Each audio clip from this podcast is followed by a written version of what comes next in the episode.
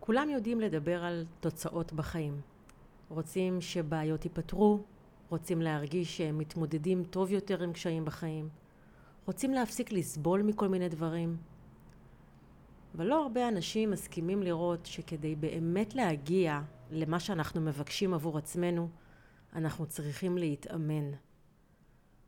ועוד פחות מזה הם האנשים שבאמת מסכימים להתאמן לאורך כל הדרך של האימון, ולא רק להתחיל ולפרוש מתישהו באמצע. את הפרק הזה אני רוצה להקדיש לאימון ולאימון רגשי. נבין למה זה כל כך חשוב ולמה זה כל כך קשה, וגם איך לעשות את זה כדי שיהיה לנו יותר קל. לפני שנתחיל אני אציג את עצמי. אני שלי, והתחום שלי הוא אימון רגשי. אני מתאמנת בחיים שלי ומאמנת אחרים להגיע לתוצאות טובות ולהתמודד עם אתגרי החיים, תוך כדי שאנחנו מתאמנים ומחזקים את הקשר גוף-תודעה. אימון רגשי. בואו נבין.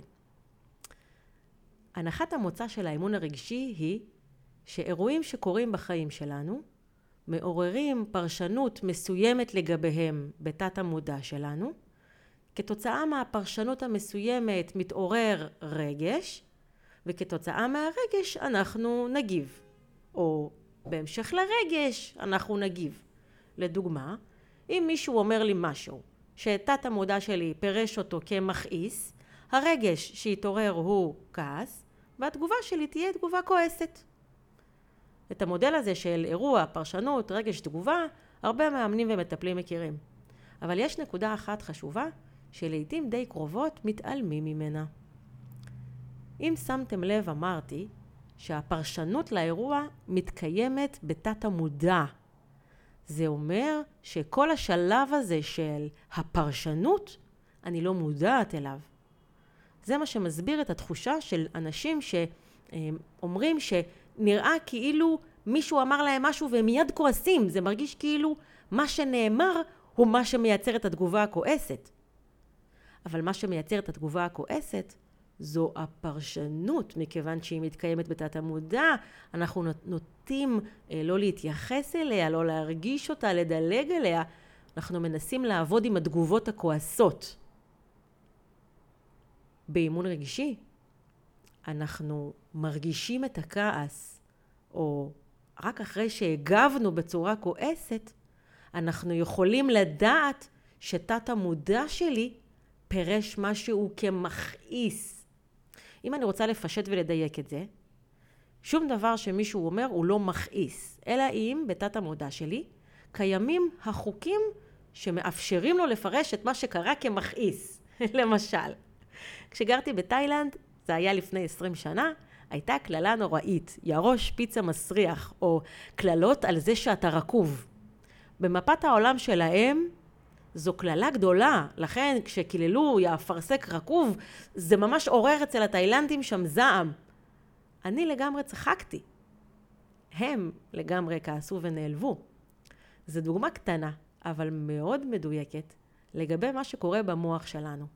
שום דבר הוא לא דבר, אלא רק הפרשנות שאנחנו נותנים לו. הפרשנות שאנחנו נותנים מבוססת על סיפור החיים שלנו, האמונות שלנו, דברים שלימדו אותנו או שלמדנו בעצמנו, וחשוב להגיד שהרבה מהדברים האלה שלמדנו הם לא בהכרח האמת. כן, המוח הנהדר שלנו, שהוא המחשב הטוב בעולם, יודע לעשות עיוותים מכל מיני סוגים, ולחשוב שדברים מסוימים הם האמת היחידה, בעוד זה לא באמת ככה. אז נחזור לאימון רגשי. אימון רגשי זה אימון שמבוסס על תקשורת עם רגשות. כשאני מרגישה משהו, פחד, כעס, היעלבות, אשמה, אני לא מדחיקה אותו ומנסה לשים אותו בצד כדי לא להרגיש אותו, ואני לא מתבוססת בו, מה שנקרא, מרגישה אותו עד שיוצא לי המיץ מהאף. אני נעזרת ברגש הזה כדי לפנות באמצעותו לתת המודע ולברר מה הפרשנות שנתתי לאירוע שגרמה לכעס, לבושה או לפחד. כשאני מזהה את הפרשנות, וגם אם יש לי כלים יסודיים ועמוקים לשנות פרשנות בצורה טובה, אני לא אצטרך להתמודד עם כעס. אני אוכל שהכעס פשוט לא יהיה. נשמע נפלא? בהחלט. משנה חיים? חד משמעית. דורש אימון? כן. ולמה זה דורש אימון? ולא רק אימון, אלא אימון בכלים טובים ויסודיים? כי לרוב, כשאנשים מנסים לשנות פרשנות, הם לא משנים אותה מהיסוד, אלא מזייפים שינוי פרשנות. נגיד שקרה משהו מכעיס, הם משכנעים את עצמם שהם לא כועסים. לא, אני לא כועס. או שהם מקטינים את מה שקרה כדי לא להרגיש את הכעס. באימון רגישי אנחנו לא מזייפים ולא מקטינים. אנחנו עובדים עם הכעס כדי באמצעותו ללכת לתת המודע, למפת האמונות שלנו, ואם צברנו לאורך החיים אמונות מגבילות, אמיתות לא נכונות, על עצמנו, או על האחרים, או על העולם, יש לנו הזדמנות מאוד טובה לתקן אותם, וכך עושים עבודת עומק איכותית. אז תודה רבה לרגשות, ותודה רבה לאימון רגשי.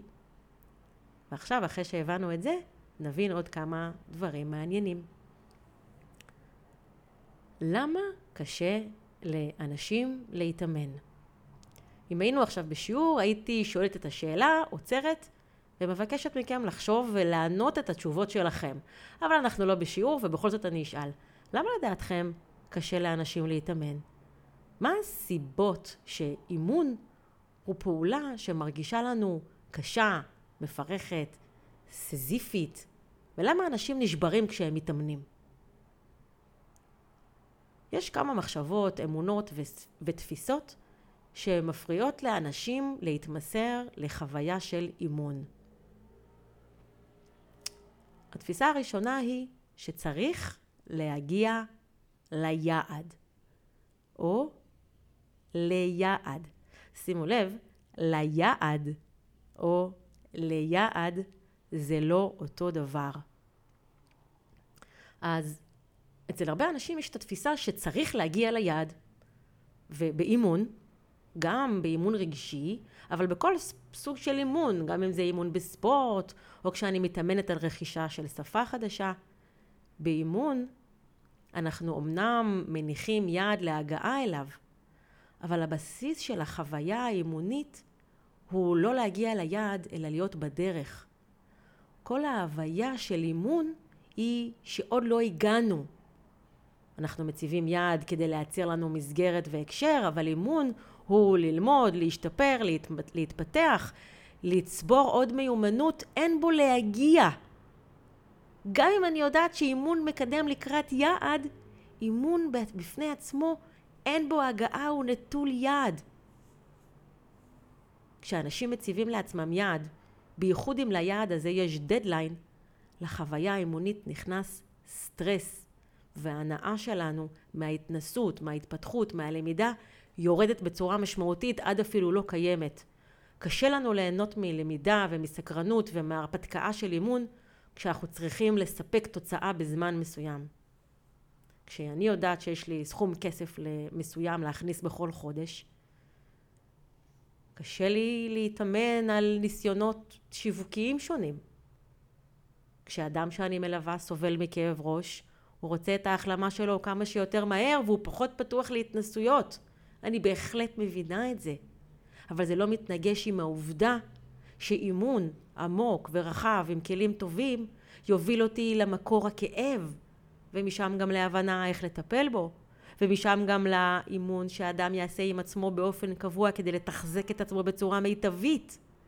ולכן אימון רגשי צריך להיות חלק מהחיים כל הזמן. כשאדם מתאמן באופן קבוע עם אירועים קטנים, הוא צובר מיומנות בדרך נטולת סטרס. ככל שהמיומנות של החיבור הרגשי לתודעה, או במילים אחרות, ככל שאני מתאמנת יותר על לחבר אירוע, פרשנות, רגש ותגובה, ולעבוד עם הרגש ולחזור לעולם הפרשנויות, אז ככל שאני מתאמנת על הדבר הזה יותר, המיומנות הזאת מתבססת אצלי יותר ויותר, ואז כשאני פוגשת אירועים גדולים, משבריים, מאתגרים מאוד, המיומנות הזאת היא לא צריכה עכשיו להתחיל להתבסס. כבר יש לי אותה. מה שנשאר הוא רק לעבוד עם מה שכבר קיים בנו. וזו צורת חיים אחרת לגמרי, שבה הרבה פחות פוחדים ממשברים, הרבה פחות פוחדים מאתגרים. אני לא אומרת שאני אוהבת משברים ואני לא אומרת שאני לא פוחדת מאתגרים, אבל כשאני מתאמנת באופן קבוע, תחושת הביטחון העצמי שלי עולה בצורה משמעותית. אני לומדת לסמוך על עצמי. הפתיחות שלי ליציאה מאזורי הנוחות מתאפשרת יותר בקלות כי המוח שלי יודע שיש לו כלים טובים לעבוד איתם, הוא מאפשר לי את הביטחון הזאת. אז זה. אז החוויה האמונית היא חוויה של להיות בדרך, וזה משהו שבני האדם למדו לא כל כך לאהוב. אפילו לא שאנחנו לא כל כך אוהבים את זה, לפעמים אנחנו ממש קשה לנו לשאת את זה שאנחנו בדרך. אימון רגשי זו חוויה שאומרת, אני כל הזמן בדרך. בתוך הדרך הזאת אני פוגשת המון יעדים. חלק מהם הם אלה שהצבתי לעצמי. חלק הם אלה שהחיים הציבו לי. חלק הם כאלה שלא תכננתי, אבל בהם אני לומדת אפילו יותר. כשאני לא באימון רגשי, אני יכולה לסבול מזה שעוד לא הגעתי. אבל כשאני באימון רגשי, אני כל הזמן אומרת לעצמי, אני עוד בדרך, וכשאני עוד בדרך, אז אני יכולה עוד ללמוד, ועוד להשתפר, ועוד להתאמן, ועוד לדעת, ועוד לחקור, ועוד לגלות. הדרך היא הדבר, ולא בהכרח ההגעה אל היעד. אבל כשאנחנו לא מיומנים בזה, זה בהחלט יכול להפריע לנו להחזיק חוויה אמונית.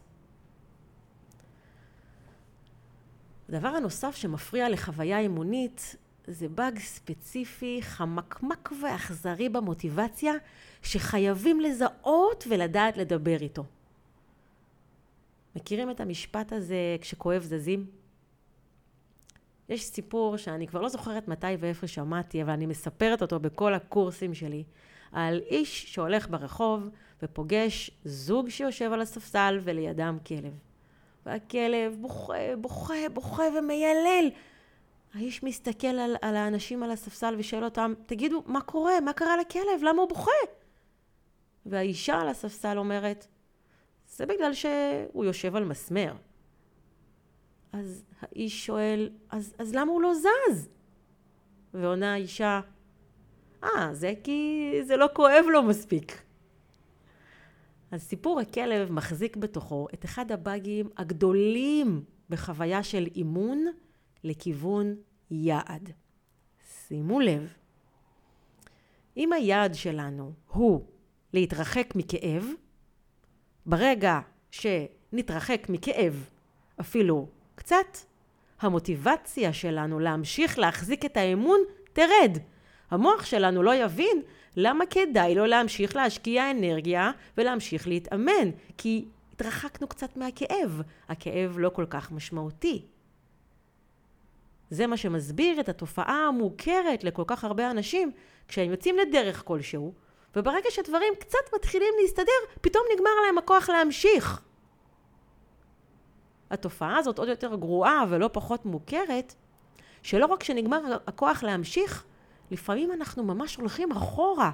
זה נראה שאנחנו מקלקלים לנו בכוונה. אבל אצל בני אדם אין דבר כזה לקלקל בכוונה.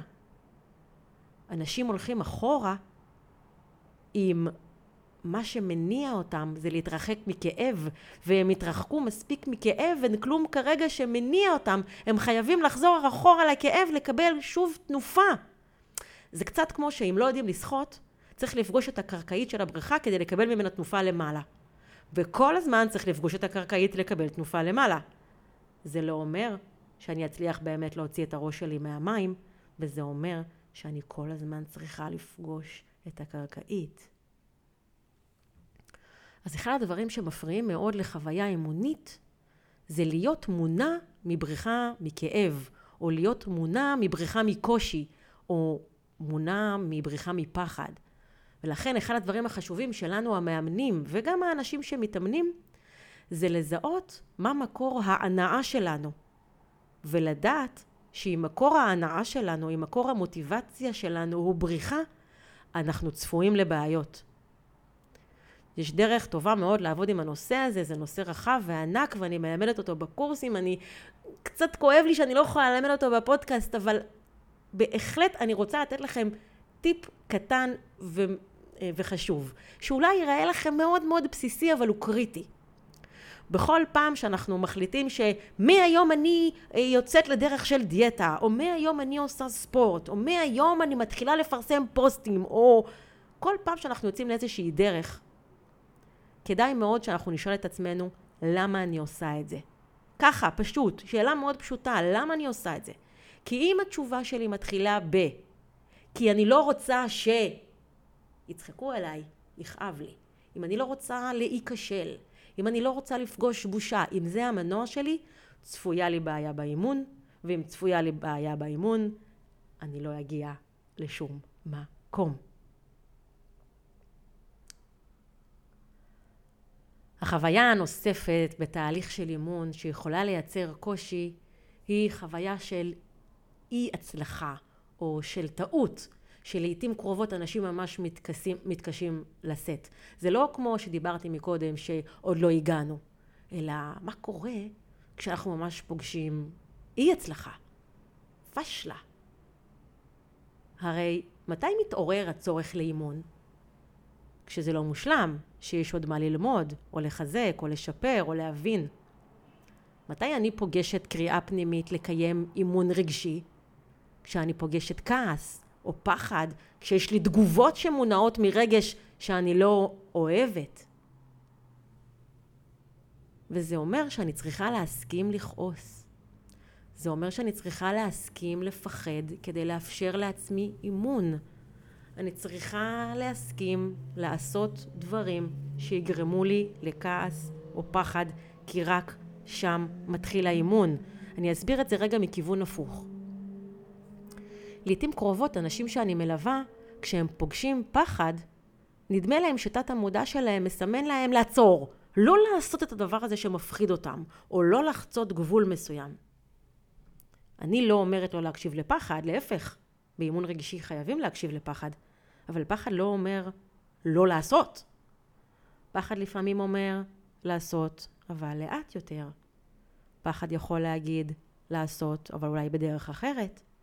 פחד יכול להגיד, בוא נחזק משהו בתוכי, איזה אמונה או מיומנות, לפני שאני עושה. אבל זה אומר שאני צריכה להסכים לפגוש את הפחד, להסכים להרגיש אותו כדי לדבר איתו, לא לטשטש אותו, לא להדחיק אותו, לא להתעלם ולא לדחות.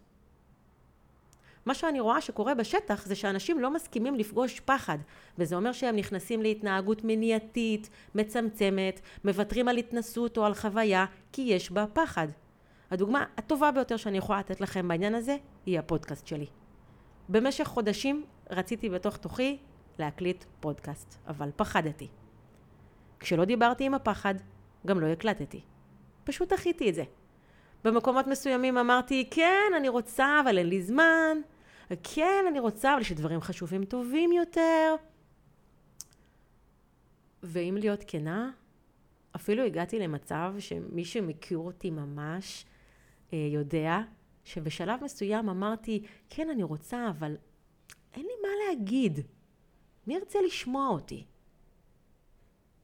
ורק כשהסכמתי לפגוש את הפחד הזה ולדבר איתו ולהתמודד עם זה ולהקליט את הפודקאסט ולפרסם אותו, רק אז גיליתי שיש לי המון מה להגיד ויש לי המון כלים להתמודד עם מה יגידו ומי יגיד ואיך זה נשמע. אחרי שהסכמתי לדבר עם הפחד שלי, הסכמתי להקליט את הפרק הראשון. ואז פגשתי את הפחד לפרסם. אז דיברתי עם הפחד לפרסם. ואז פרסמתי.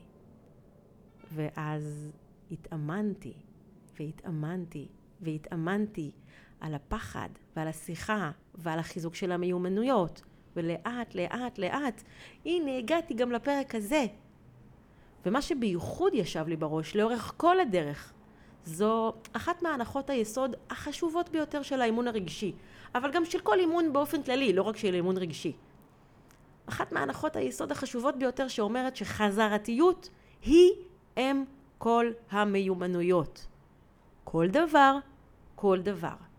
כל דבר שאנחנו רוצים להיות טובים בו, או יותר טובים בו ממה שאנחנו היום, אנחנו צריכים לאפשר את הקיום שלו ואת הקיום החזרתי שלו. כשאני עושה משהו בפעם השנייה, המוח שלי מוצא דרכים אחרות לעשות אותו. כשאני עושה משהו בפעם השלישית, המוח שלי מוצא דרכים קצרות יותר. בפעם הרביעית, המוח שלי מוצא דרכים יעילות יותר. אבל צריכה להיות הפעם הראשונה. וצריכים להסכים שהפעם הראשונה היא לא הכי טובה, ויש בה טעויות, ויש בה פדיחות, ואולי זה לא יצא בכלל טוב, ואולי תהיה בזה בושה, וצריכים להסכים בשביל שנוכל להתאמן. כשאנחנו עושים דברים שוב ושוב, ומי שמכיר מוח יודע שככה מוח עובד, כל מה שאנחנו צריכים זה רק להסכים לפעם הראשונה, ולהסכים להיות בתוך החוויה האמונית, להסכים לפגוש את הפחד ואת הקושי, ולהסכים, ומתוך זה נולדות ההצלחות שלנו. וזה אומר שבפעם הראשונה אנחנו מפחדים. וצריכה להיות לנו הבנה עמוקה ויסודית שזה עכשיו, ושאם אני אעשה את זה שוב, זה יהיה פחות מפחיד.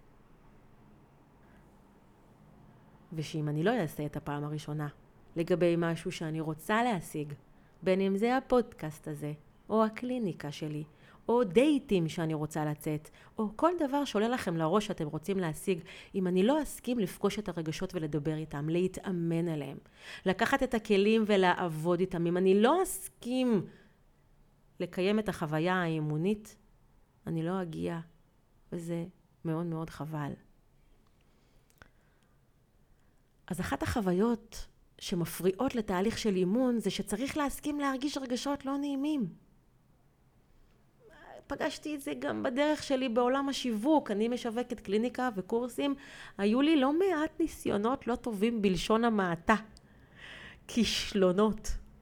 לפעמים מה שצורב זה הכסף שבוזבז, לפעמים זה הזמן שבוזבז, לפעמים זה הפומביות והבושה שמגיעה עם הפומביות, אבל כדי להצליח צריך להסכים לפגוש גם כישלון. ומה שעוד יותר חשוב להגיד זה שכשמצליחים בלי לפגוש כישלון, זה אולי נעים, אבל זו חוויה לא איכותית. כי ביטחון עצמי, ערך עצמי, תחושה שאני יכולה לסמוך על עצמי, אף פעם לא מתבסס, מבוססות על הצלחה. הן מבוססות על התמודדות. אני אגיד את זה עוד פעם כי זה ממש ממש חשוב. ביטחון עצמי, ערך עצמי, תחושה שאני יכולה לסמוך על עצמי, לא מבוססות על הצלחה. אנחנו טועים כשאנחנו חושבים שזה בגלל שהצלחנו. תחושה של ערך עצמי, ביטחון עצמי ותחושה שאני יכולה לסמוך על עצמי מבוססת על התמודדות. ובשביל להתמודד צריך להתאמן ולהיות על הדרך. אז נגעתי בכמה נקודות שמפריעות לחוויה אימונית ויש עוד, אבל אני חושבת שהגיע הזמן לדבר על למה בכל זאת כדאי להסכים להתמסר לחוויה אימונית. אז הראשון, דיברתי על זה, דיברתי עליו לאורך כל הפרק, אבל עכשיו הגיע הזמן להגיד את זה במפורש. חיים שמבוססים על יעדים ותוצאות הם חיים שיש בהם סטרס בלתי פוסק וחרדות. כשאנחנו חיים על יעדים ותוצאות, אנחנו מרגישים נמדדים כל הזמן, אנחנו בקלות מרגישים נכשלים, תחושת הערך העצמי שלנו יכולה לא להתבסס, ואז מה שקורה זה שיש לנו ערך עצמי מזויף ולא יציב, וזה דבר שאני רואה אותו לעיתים מאוד קרובות בקליניקה. חיים שמבוססים על אימון רגשי מייצרים חיבור, הקשבה, למידה והתפתחות. ההצלחה שלי לא נמדדת ביעד או בהגעה ליעד, אלא בהסכמה להיות בדרך עם כל הבונוסים העצומים שנמצאים ומתווספים שם. זה לא מפתיע שכל מי שמתחיל לחיות חיים של אימון רגשי מרגיש שהחיים שלו משתנים ונרגעים. האתגרים בחוץ הם אותם אתגרים, אבל תשומת הלב שלנו מונחת במקומות אחרים, על ההבנה שיש לנו כלים ואנחנו יכולים לעבוד עם מה שמתקיים שם בחוץ, וזה מה שמייצר את השינוי הכל כך כל כך משמעותי. הסיבה השנייה שבגללה כדאי מאוד להכניס אימון רגשי לחיים, האמת שאני מדברת עליה, ואולי זאת הסיבה המרכזית שבגללה הקלטתי את הפרק, את הפרק, היא כי אני שומעת לאחרונה קולות של אנשים שטוענים שהתפתחות אישית הפכה ביניהם לדבר רע. הם הרגישו שכל הזמן מועברים להם מסרים שהם לא מספיק טובים והם צריכים להיות יותר טובים, כאילו כל מה שאני זה לא מספיק וצריך להשתפר כל הזמן. אז אני מבינה למה זה קרה. יש המון מורים להתפתחות אישית שמבססים את המסרים שלהם על הצבת יעדים ותוצאות, על יציאה מאזור הנוחות, אבל הם לא מכירים ולא מתאמנים ולא מלמדים את הכלים העמוקים של אימון רגשי, ויוצא שחוויית השתפרות גורמת לכאב, שחוויית השתפרות מתישה, אולי אפילו מייצרת נזקים משמעותיים. אז חשוב לי פה להגיד, אימון רגשי לא מבוסס על השתפרות כי צריך להיות טובים יותר. אימון רגשי מבוסס על חיבור לעצמי. אני לא מתאמנת על להיות יותר טובה, אני מתאמנת על להיות יותר טובה לעצמי. וכן, לפעמים להיות יותר טובה לעצמי זה להיות פחות טובה ליעד מסוים שהחברה מכתיבה לי או שמישהו מכתיב לי ואימון רגשי מביא איתו כלים לזהות את המצבים האלה ולאפשר לנו להיות קשובים לעצמנו. אימון רגשי לא דורש יותר, הוא מאפשר יותר אם רוצים, ואיפה שלא רוצים הוא יודע להגיד זה לא, או זה לא עכשיו, או זה לא בשבילי. וככה אנחנו פחות מוטים מגחמות אופנתיות וגימיקים של גורואים שונים. הבטן שלנו ותת המודע שלנו יודעים לסמן לנו טוב מאוד מה אנחנו רוצים וצריכים. אנחנו צריכים לדעת לדבר איתם ולהקשיב להם, לקיים הידברות. כי לפעמים הם מסמנים לנו דברים לא מבוססים ולפעמים אנחנו לא מספיק מיומנים להקשיב למסרים וזאת המטרה של האמון הרגשי, לקיים שיחה אמיתית, כנה, עמוקה ומחברת אותי לעצמי. ואין דבר טוב מזה.